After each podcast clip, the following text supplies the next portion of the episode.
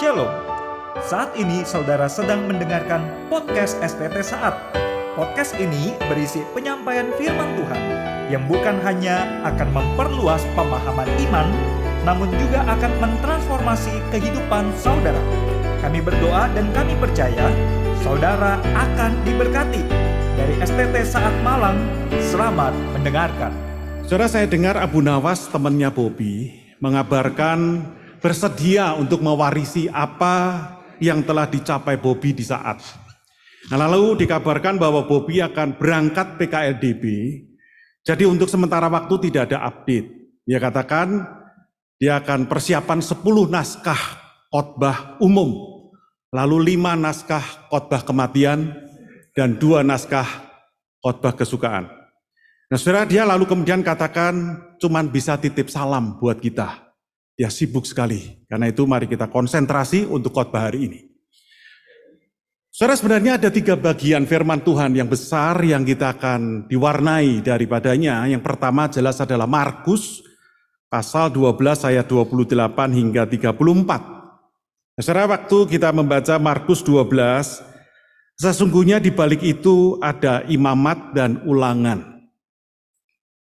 Saudara kita akan membaca khususnya di Markus 12 ayat 28 sampai 34. Saudara lalu seorang ahli Taurat yang mendengar Yesus dan orang-orang Saduki. Ayat 28 bersoal jawab dan tahu bahwa Yesus memberi jawab yang tepat kepada orang-orang itu. Datang kepadanya dan bertanya hukum manakah yang paling utama? Jawab Yesus hukum yang terutama ialah Dengarlah hai orang Israel, Tuhan Allah kita, Tuhan itu Esa. Kasihilah Tuhan Allahmu dengan segenap hatimu, dan dengan segenap jiwamu, dan dengan segenap akal budimu, dan dengan segenap kekuatanmu. Dan hukum yang kedua ialah kasihilah sesamamu manusia seperti dirimu sendiri. Tidak ada hukum yang lain yang lebih utama daripada kedua hukum ini. Lalu kata ahli Taurat itu kepada Yesus, tepat sekali guru. Benar katamu itu, bahwa dia Esa, dan bahwa tidak ada yang lain kecuali dia. Memang mengasihi dia dengan segenap hati, dengan segenap pengertian, dan dengan segenap kekuatan, dan juga mengasihi sesama manusia seperti diri sendiri adalah jauh lebih utama daripada semua korban bakaran dan korban sembelihan. Yesus melihat bagaimana bijaksananya jawab orang itu. Dan ia berkata kepadanya, engkau tidak jauh dari kerajaan Allah. Dan seorang pun tidak berani lagi menanyakan sesuatu kepada Yesus. Saudara, tanggal 3 Juli 1976, peristiwa ini terjadi, operasi NTB, yang bahkan karena legend sekali sampai difilmkan.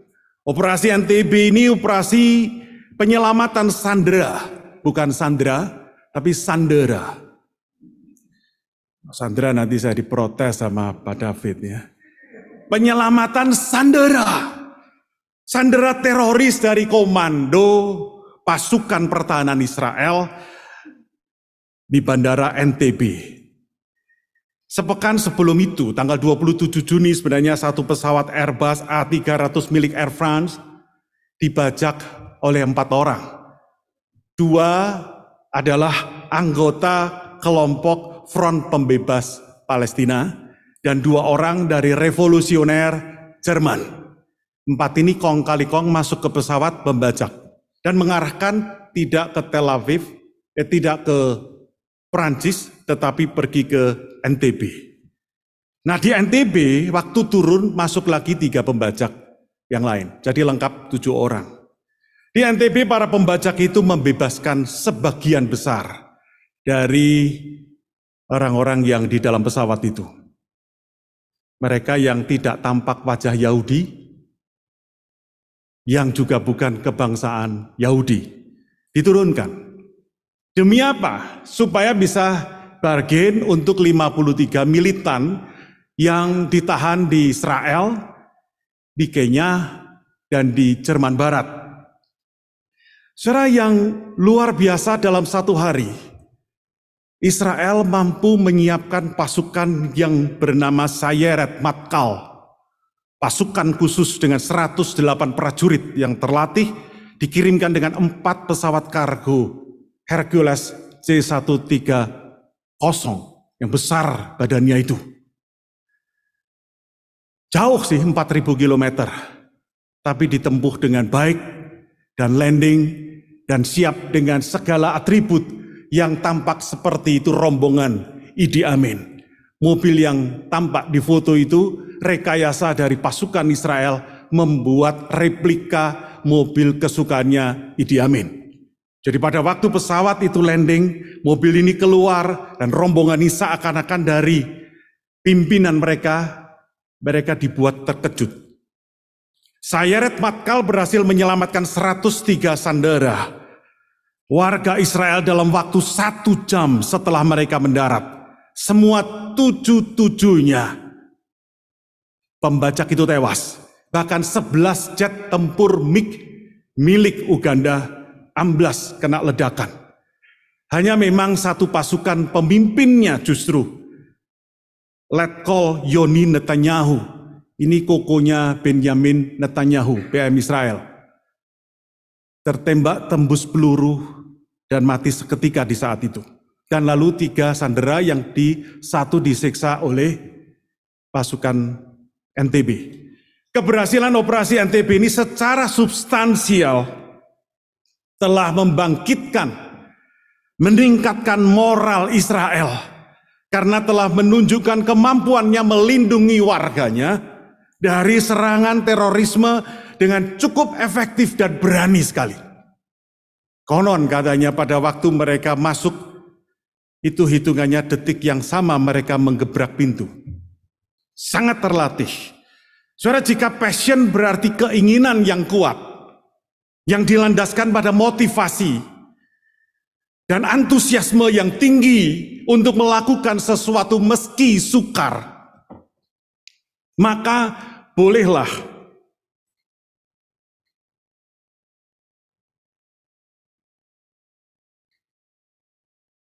Maka bolehlah pasukan Sayeret Matkal ini dikategorikan telah memiliki passion untuk membebaskan dengan sangat kuat. Persyarat, persyaratan untuk masuk Sayeret Matkal ini sederet persyaratan yang ketat sekali. Secara sejenak kita bercermin, kalau kita di sini sebagai seminarian, kita termasuk seminarian yang gampangan atau elit laksana Sayeret Matkal yang terlatih, yang menjadi kebanggaan bagi bangsa Israel, bagi kita kebanggaan kerajaan Allah. Apakah kita biarkan kerapuhan kita menguasai? Atau dalam kerapuhan kita kita memohon supaya Tuhan menambahkan kekuatan supaya kita sanggup menyamai passionnya Tuhan Yesus. Atasan kita. Saudara passion merupakan keinginan yang ikhlas, tanpa paksaan. Yang lebih merupakan sebenarnya adalah panggilan. Nah dilakukannya terus menerus dan tidak pernah merasa bosan. Passion tidak akan memikirkan untung rugi. Passion akan serta merta dia tidak juga melakukannya. Kalau dia tidak meras, tidak melakukan maka dia akan merasakan kurang. Memang saudara passion bisa jadi poison. Bisa toxic. Ketika kapan? Ketika berlebihan di dalam ikatan yang melampaui kewajaran. Dan itu bisa merusak mental. Bisa merusak fisik kita. Memang iya. Nah passion yang poisonous ini, yang toxic ini, dapat mengarahkan kita pada perilaku yang jelas, bisa obsesif, kompulsif, cemas, depresi, bahkan mungkin ada kekerasan. Saudara sudah tentu kita sebagai seminarian tidak akan suka dengan itu. Kita akan menolaknya mentah-mentah atau mungkin mateng. kita juga sebagai hamba Tuhan sewajarnya mengikuti passion Tuhan kita, Yesus Kristus. Saudara, passion itu tergantung pada apa yang ada di hati. Passion itu tergantung daripada apa yang ada di hati yang mampu memotivasi tindakannya. Dengan begitu hati kita sangat menentukan baik dan benarnya hidup kita. Saudara, Alkitab kita mengajarkan bahwa hati atau kardia itu disebut sebagai seat of spiritual life. Kursinya kehidupan spiritual. Saya terus membayangkan istilah ini bagus sekali ya. Seat of spiritual life di mana pikiran, nafsu kita, keinginan, selera, kasih sayang, punya kesempatan untuk memancar seperti mata air. Tadi waktu lagu dinyanyikan, biarlah mataku memancarkan kasih Tuhan. Itu berawal dari hati. Suara hati menjadi respons spiritual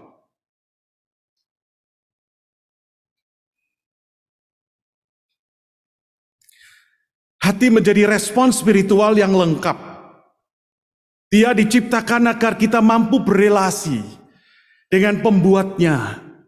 Saudara inilah inti dari spiritual life, yaitu berelasi dengan yang bikin. Itulah alasan kenapa kita dibuat segambar dan serupa dengan dia. Adalah supaya kita mampu untuk berelasi dengan beliau. Dia yang membuat kita sewajarnya sebagaimana kita diciptakan serupa dengan Dia. Tapi semenjak dosa, gambar yang rusak itu baru bisa dinormalkan lagi setelah hadirnya Kristus, sehingga substansi kita kembali normal, mampu berrelasi dengan Allah dengan akrab. Secara natur berdosa kita sedemikian alotnya, sukar sekali untuk dilepaskan, sehingga sering kita temui jatuh, bangun, jatuh, dan mungkin belum tentu langsung bangun. Bisa di dalamnya terus cukup lama. Saudara, kondisi jatuh bangunnya kita mungkin terlukiskan dalam narasi umat Israel yang cepat berubah. Harga kesetiaan dalam relasi dengan Tuhan itu semahal dua loh batu. Itu sebabnya tadi saya katakan ketika kita membaca Markus 12, yang diajak omong ini kan ahli Taurat. Di balik kepalanya ingat-ingatan akan Taurat itu lengkap. Saudara nanti bisa melihat dari Imamat 19. Dan satunya kita akan bisa menemukan dari ulangan pasal 6. Saudara, dua bagian itulah yang memberikan gambaran bagaimana sukarnya hidup di dalam hukum Taurat itu. Saudara, kesetiaan itu semahal hukum Taurat yang dilemparkan dua loh batu itu. Bayangkan karya jari Allah yang harus bertempur dengan patung patung gila yang dibuat oleh orang gila. Ya maaf, saudara. Saya juga tidak habis mengerti bagaimana Harun bisa menyetujui. Walaupun dia mencoba dengan persyaratan yang nggak gampang, kumpulkan hartamu, emasmu. Tapi nyatanya bisa, dan dia tidak menghentikan. Sampai Musa bertanya-tanya, memang nggak gampang saudara kita jadi pemimpin. Ketika jemaat mungkin kecil kita, suka kasih uang kita, memberikan kesempatan untuk kita jalan-jalan, memberikan banyak fasilitas yang enak, yang belakangan juga makin sering didambakan oleh hamba-hamba Tuhan. Lalu dia dalam bisnisnya gelap loh. Kita tutup sebelah mata.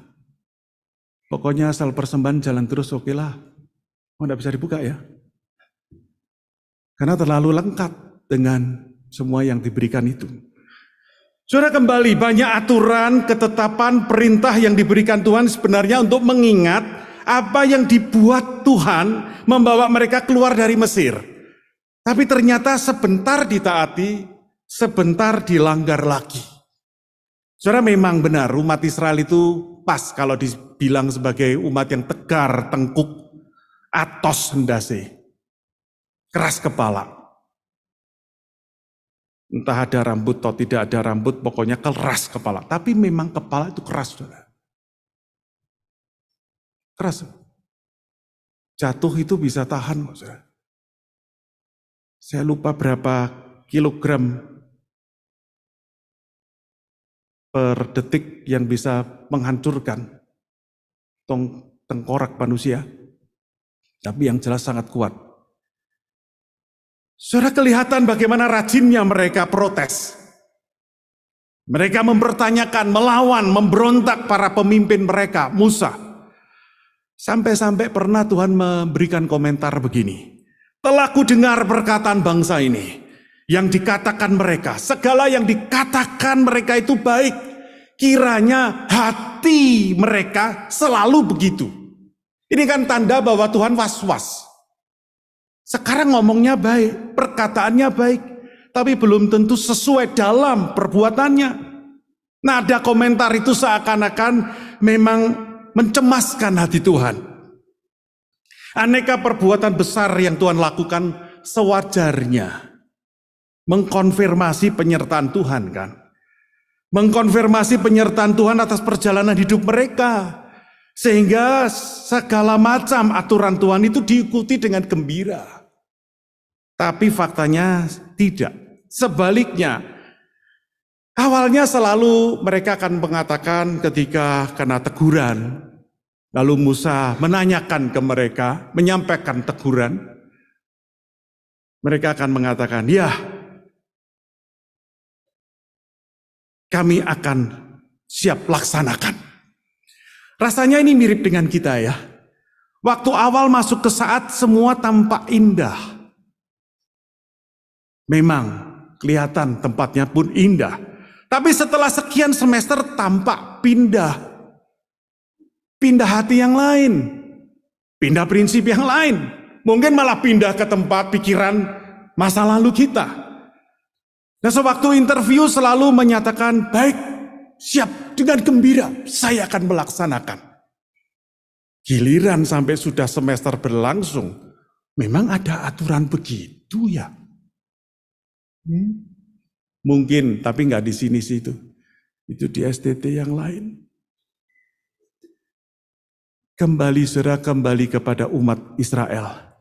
Mereka culas, nyinyir, kritis sengit, bikin panas kuping. Kalau saya ada di sana saya pasti mangkel. Untung saya nggak dilahirkan waktu itu. Tapi kenapa mesti lahir sekarang ya? Itu semua bermunculan setelah mereka dibebaskan. Keluar dari Mesir belum benar-benar bebas. Mereka dikejar pasukan elit dari Mesir. 600 kereta terbaik. Mereka sangat frustrasi. Membayangkan lebih baik mati di Mesir. Saudara andai kata mereka mengikuti apa yang Tuhan mau maka tentu mereka akan semakin kagum, hormat atas kebesaran Tuhan dan bangga untuk mengikutinya. Coba kita perhatikan kenapa Tuhan memerintahkan Israel untuk balik arah seakan-akan kembali ke Mesir. Lalu berhenti di depannya Baal Zephon di pinggir pantai itu. Bukan untuk selfie ya. Pasti ada tujuan besar. Untuk apa? Itu taktik Tuhan. Memberi semangat kepada pasukan Mesir untuk melihat, lu mereka tersesat. Bodoh benar mereka. Mereka balik ke kita, ayo kita makin semangat. Dan mereka mengejarnya. Tapi mereka sebenarnya sedang masuk perangkap taktik Tuhan. Karena Tuhan ternyata ingin memamerkan kepada orang Mesir bahwa dialah Tuhan yang mulia, yang melampaui semua dewa-dewi Mesir. Pasukan Mesir itu terpancing melihat rombongan dua juta orang bergerak balik ke arah mereka. Ini gambar besar, tidak perlu radar sudah kelihatan dari jauh. Hitam-hitam bergerak balik. Ini kesempatan untuk dimakan. Taktik Tuhan itu sempurna, sesempurna pribadinya. Kita tenang dipimpin oleh dia yang sempurna itu. Tuhan Allah kita mengomandoi jutaan orang sekaligus dalam tempo yang sama. Apa susahnya cuma buat 400 orang atau 300 orang atau sekarang cuma 200-an orang kita. Formasi malaikat Allah dan tiang awan yang pindah dari depan ke belakang mereka. Lalu menutupi pemandangan orang Mesir untuk teruskan perjalanan. Mereka tidak bisa lihat, sementara orang Israel bisa lewat Teberau di atas tanah kering. Tapi tiba giliran pasukan Mesir itu melihat tanah yang kering dan orang Israel di seberang sana. Mereka dengan penuh semangat menggeber kuda mereka dan mereka masuk ke tanah kering itu tanpa mereka sadari mereka sedang dalam ancaman bahaya hukuman Tuhan. Tapi Meskipun teriakannya kencang, mari kita lari meninggalkan Israel. Kenapa lari? Karena roda kereta itu 600 kereta. Tiba-tiba miring. Ngelok. Gak bisa jalan. Jadi mereka loncat dari kereta. Ada kok rekamannya. Uh, lompat mereka coba lari. Tapi terlambat. Terlambat. Kita tahu semua. Teberau mengubur hidup-hidup. Nah di situ Israel takut. Lalu percaya. Mereka kagum akan kebesaran Tuhan membuat itu demi mereka. Dengan gempita kita bisa melihat Musa, Miriam, ibarat seperti Pak Ivan, Bu Selvi, mengajak kita mengomandoi nyanyi, memuji kebesaran Tuhan yang membebaskan mereka, dan bermasmurlah mereka, jadilah nyanyian bagi Tuhan. Tapi umurnya cuma tiga hari. Segegap gempita sahebo itu umurnya cuma tiga hari. Tiga hari kemudian setiba mereka dimarah, mereka marah dengan Tuhan. Gila nggak? Karena air pahit. Seakan peristiwa Teberau itu tidak pernah terjadi. Ini memilukan sekaligus memalukan. Air besar yang menyelamatkan mereka kalah dengan air pahit. Allah yang membuat tembok air dalam sekejap itu, tidakkah dia sanggup memaniskan air tanpa perlu marah sama Tuhan? Kenapa mesti marah kepada Allah? Apakah ini natur pengagum-pengagum Allah? Memang beda kalau pengikut Tuhan. Beda. Pengagum itu seperti soda gembira. Memberi kegembiraan cuman seumur soda itu. Ribuan tahun kemudian kita memang dejavu dengan elu-eluan orang banyak kepada Yesus yang beberapa hari sebelum bacaan yang kita tadi lihat ini. Ada elu-eluan bukan? Tapi akhirnya dengan apa? Nah saudara pertanyaan buat kita apakah kaliber kita laksana soda gembira juga? Saudara 45 hari setelah keluar dari Mesir. Nah mereka itu menerima mana Sebelumnya mereka ngomel dan ngomong yang sama. Lebih baik mati di Mesir. Ini bikin capek hati Allah kan. Sekarang mari kita coba lompat ke 40 tahun kemudian setelah mereka menjelang masuk tanah perjanjian. Musa membongkar rahasia tujuan. Kenapa? Tuhan sengaja melewatkan 40 tahun itu. Tuhan ingin merendahkan hati mereka dan menguji apa yang ada dalam hati mereka. Apakah mereka berpegang pada perintahnya atau tidak? Ulangan pasal 8 ayat 2. Membongkar rahasia ini. Dan ini baru dicatat setelah mereka mendekat. Lalu dilanjutkan dengan penjelasan yang memang lebih praktis bagi kita untuk kita bisa ikuti. Seperti ada urut-urutan dalam prosedur di ulangan 8 ayat 2 dan seterusnya itu. Tuhan merendahkan hati mereka. Membiarkan lapar. Lalu kasih mana. Untuk apa? Untuk membuat mereka mengerti bahwa manusia hidup bukan cuma dari roti. Tapi dari segala yang diucapkan Tuhan. Selama ini engkau sudah mendengar ucapanku. Tapi engkau abaikan. Umurnya cuma pendek ingatannya. Saudara saya juga bergumul dengan ingatan itu. Saya lebih ingat dengan utang orang lain tapi saya lupa kalau saya berhutang. Prosesnya jelas. Tuhan ingin mengajarkan dimulai proses itu tadi dengan rendahnya hati kita. Karena dengan rendahnya hati menentukan relasi dengan Tuhan itu bisa kembali atau tidak. Saudara dengan kerendahan hati tentu akan memudahkan mana itu diberikan.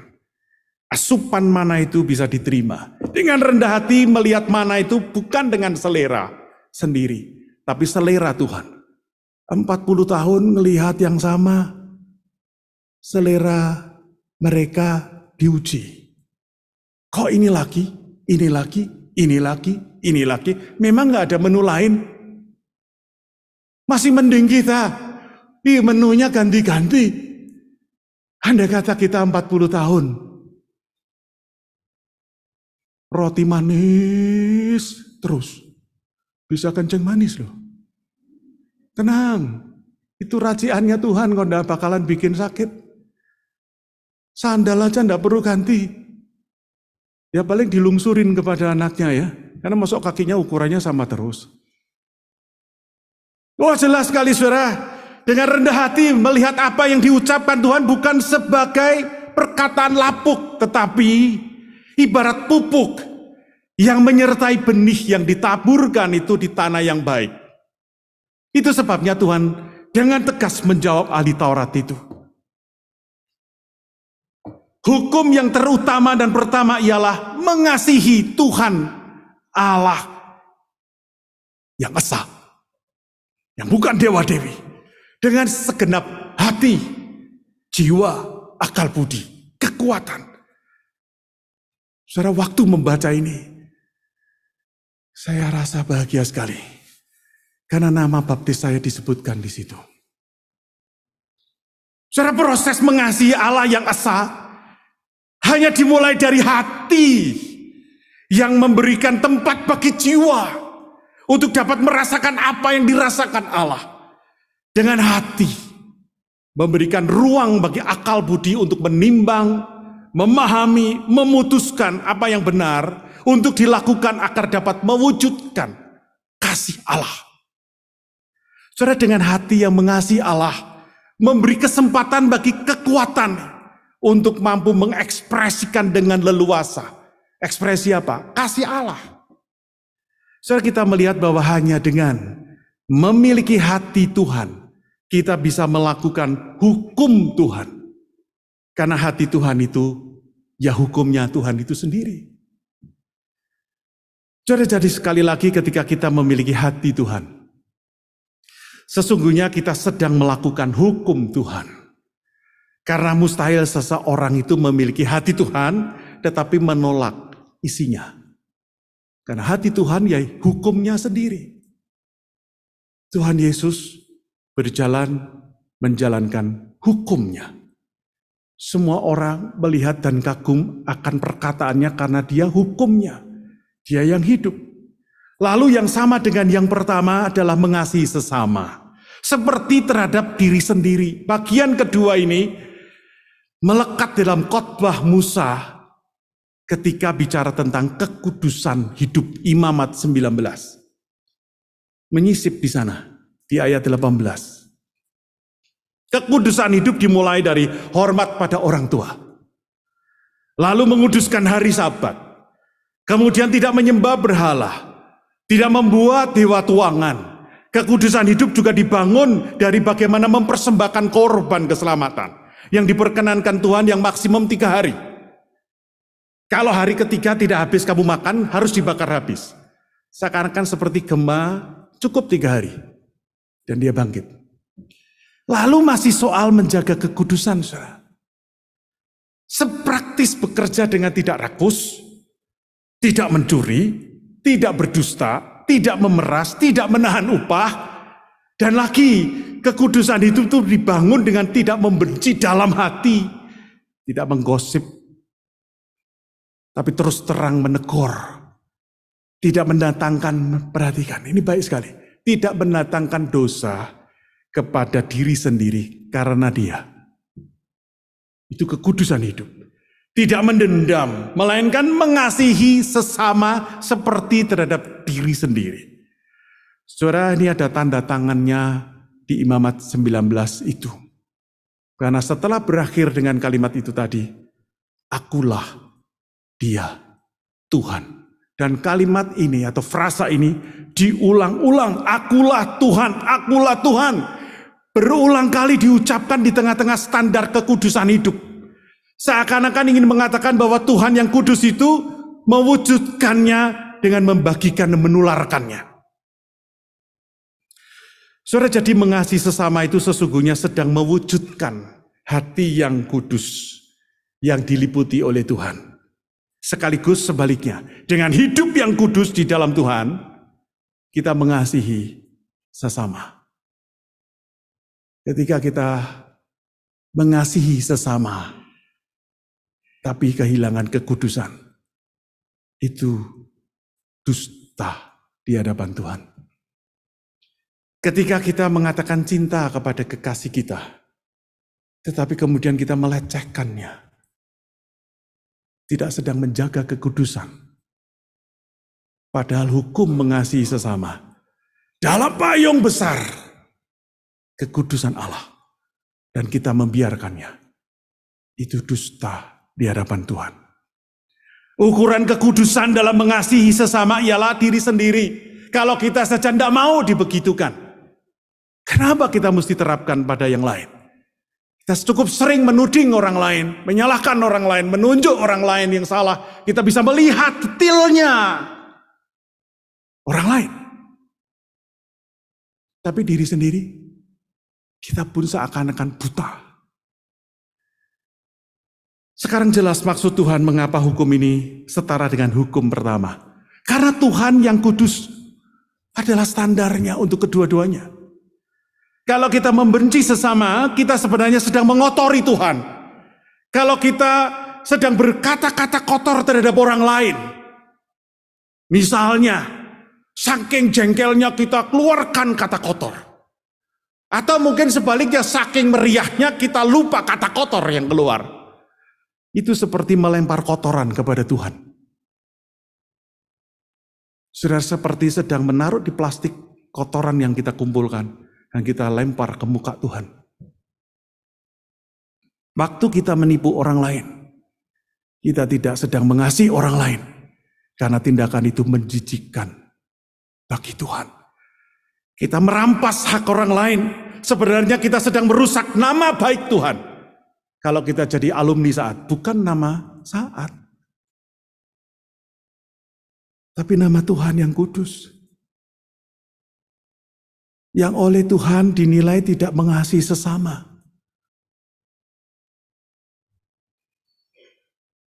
Saya mendengar dengan sedih ada lulusan yang menipu, menggelapkan uang. Oh ini cerita sudah lama pak, iya betul. Tapi belakangan juga ada. Tapi bukan cuma soal duit, soal dosa seksual. Semua orang di tempat ini sama, kita makhluk seksual. Tapi jangan lupakan kekudusan Allah yang spiritual itu. Saudara, jadi memang Tuhan ada di mana-mana. Kayaknya apa yang dibicarakan ini selalu Tuhan, selalu Tuhan. Memang Tuhan ada di mana-mana. Dan di mana-mana memang ada Tuhan. Di semua lini kehidupan Tuhan di sana. Tapi tunggu, sebenarnya ada satu tempat di muka bumi ini yang Tuhan bisa tidak ada. Yaitu di dalam hati yang menolak dia. Maka itu Tuhan bilang, aku mengetuk hatimu. Saudara, pertanyaan buat kita bagaimana kita bisa memiliki hati Tuhan. Kita tahu bahwa itu hati Tuhan itulah yang membuat goresan tangan jari Allah itu bisa menggores hidup kita. Tulisan jari Allah itu bisa mewarnai hidup kita. Iya. Bagaimana caranya kita mendapatkan hati Tuhan supaya bisa melakukan hukumnya? Pertanyaan ini sebenarnya sudah dijawab oleh Imam Yehezkiel di pasal 36 ayat 26. Dia seakan-akan menjadi kepanjangan lidah Tuhan yang mengatakan, "Kamu akan kuberikan hati yang baru dan roh yang baru di dalam batinmu, dan aku akan menjauhkan dari tubuhmu hati yang keras, dan kuberikan kepadamu hati yang taat." Dan mungkin itu proses yang berlangsung bagi kita hari ini. Hati yang baru yang dikaruniakan Allah agar mampu sefrekuensi dengan hatinya Tuhan. Ahli Taurat itu awalnya ikut-ikutan untuk mencobai Yesus kan. Di Markus nggak ditulis motifnya. Di Matius ditulis. Dia mau ikut-ikutan coba-coba. Nama besar Tuhan bisa mengangkat pansos. Awalnya gitu. Tapi ternyata dia mendengar. Bahkan dia membenarkan. Apakah ia telah menerima hati yang baru? Entah. Nanti tanya di sorga. Yang jelas Tuhan Yesus melihat bijaksananya dia. Itu yang dikomentari. Lalu tidak jauh kamu dari kerajaan Allah. Tapi belum di dalam. Tapi sudah dekat. Saya hanya terus memegang kata-kata Tuhan Yesus yang menjawab Petrus yang bertanya tentang apa yang akan terjadi dengan Yohanes. Kan kita sering tanya, lah itu terus gimana? Ahli Taurat itu sudah punya hati yang baru apa belum? Dia sudah bertobat belum ya? Saya cuma pegang ini. Jikalau aku mengendaki supaya ia tinggal hidup sampai aku datang, itu bukan urusanmu, Bud. Tapi engkau, Bud, ikut aku. Saya cuma pegang itu sajalah. Urusin orang lain, Sampai segitunya kita mengganti Tuhan.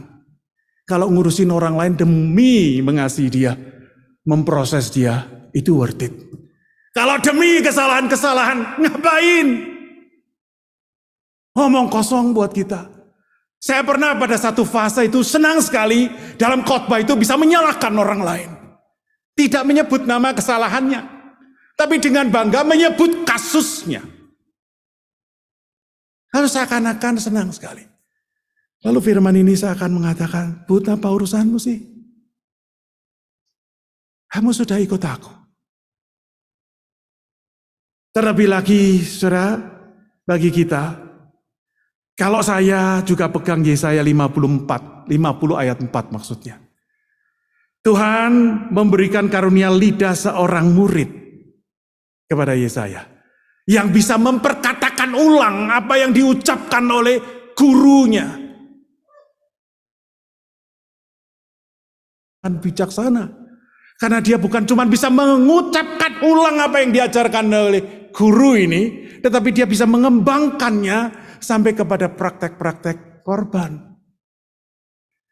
Saya cuma berharap menjadi murid yang sesungguhnya teachable dan touchable.